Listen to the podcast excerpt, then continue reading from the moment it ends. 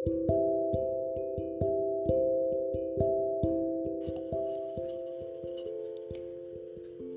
kamu kisah pohon bambu tertinggi di dunia? Iya, pohon bambu ini namanya mojuk. Ia berasal dari negeri Tiongkok.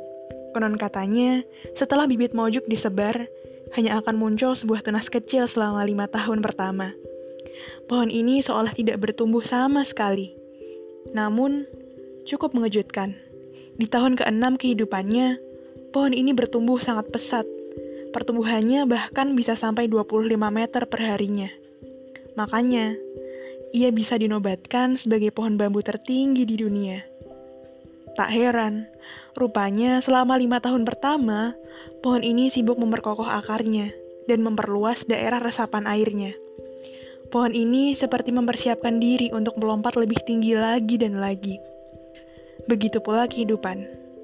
Kegagalan demi kegagalan yang dialami sebenarnya adalah batu loncatan bagi kita untuk melompat lebih tinggi lagi dan lagi.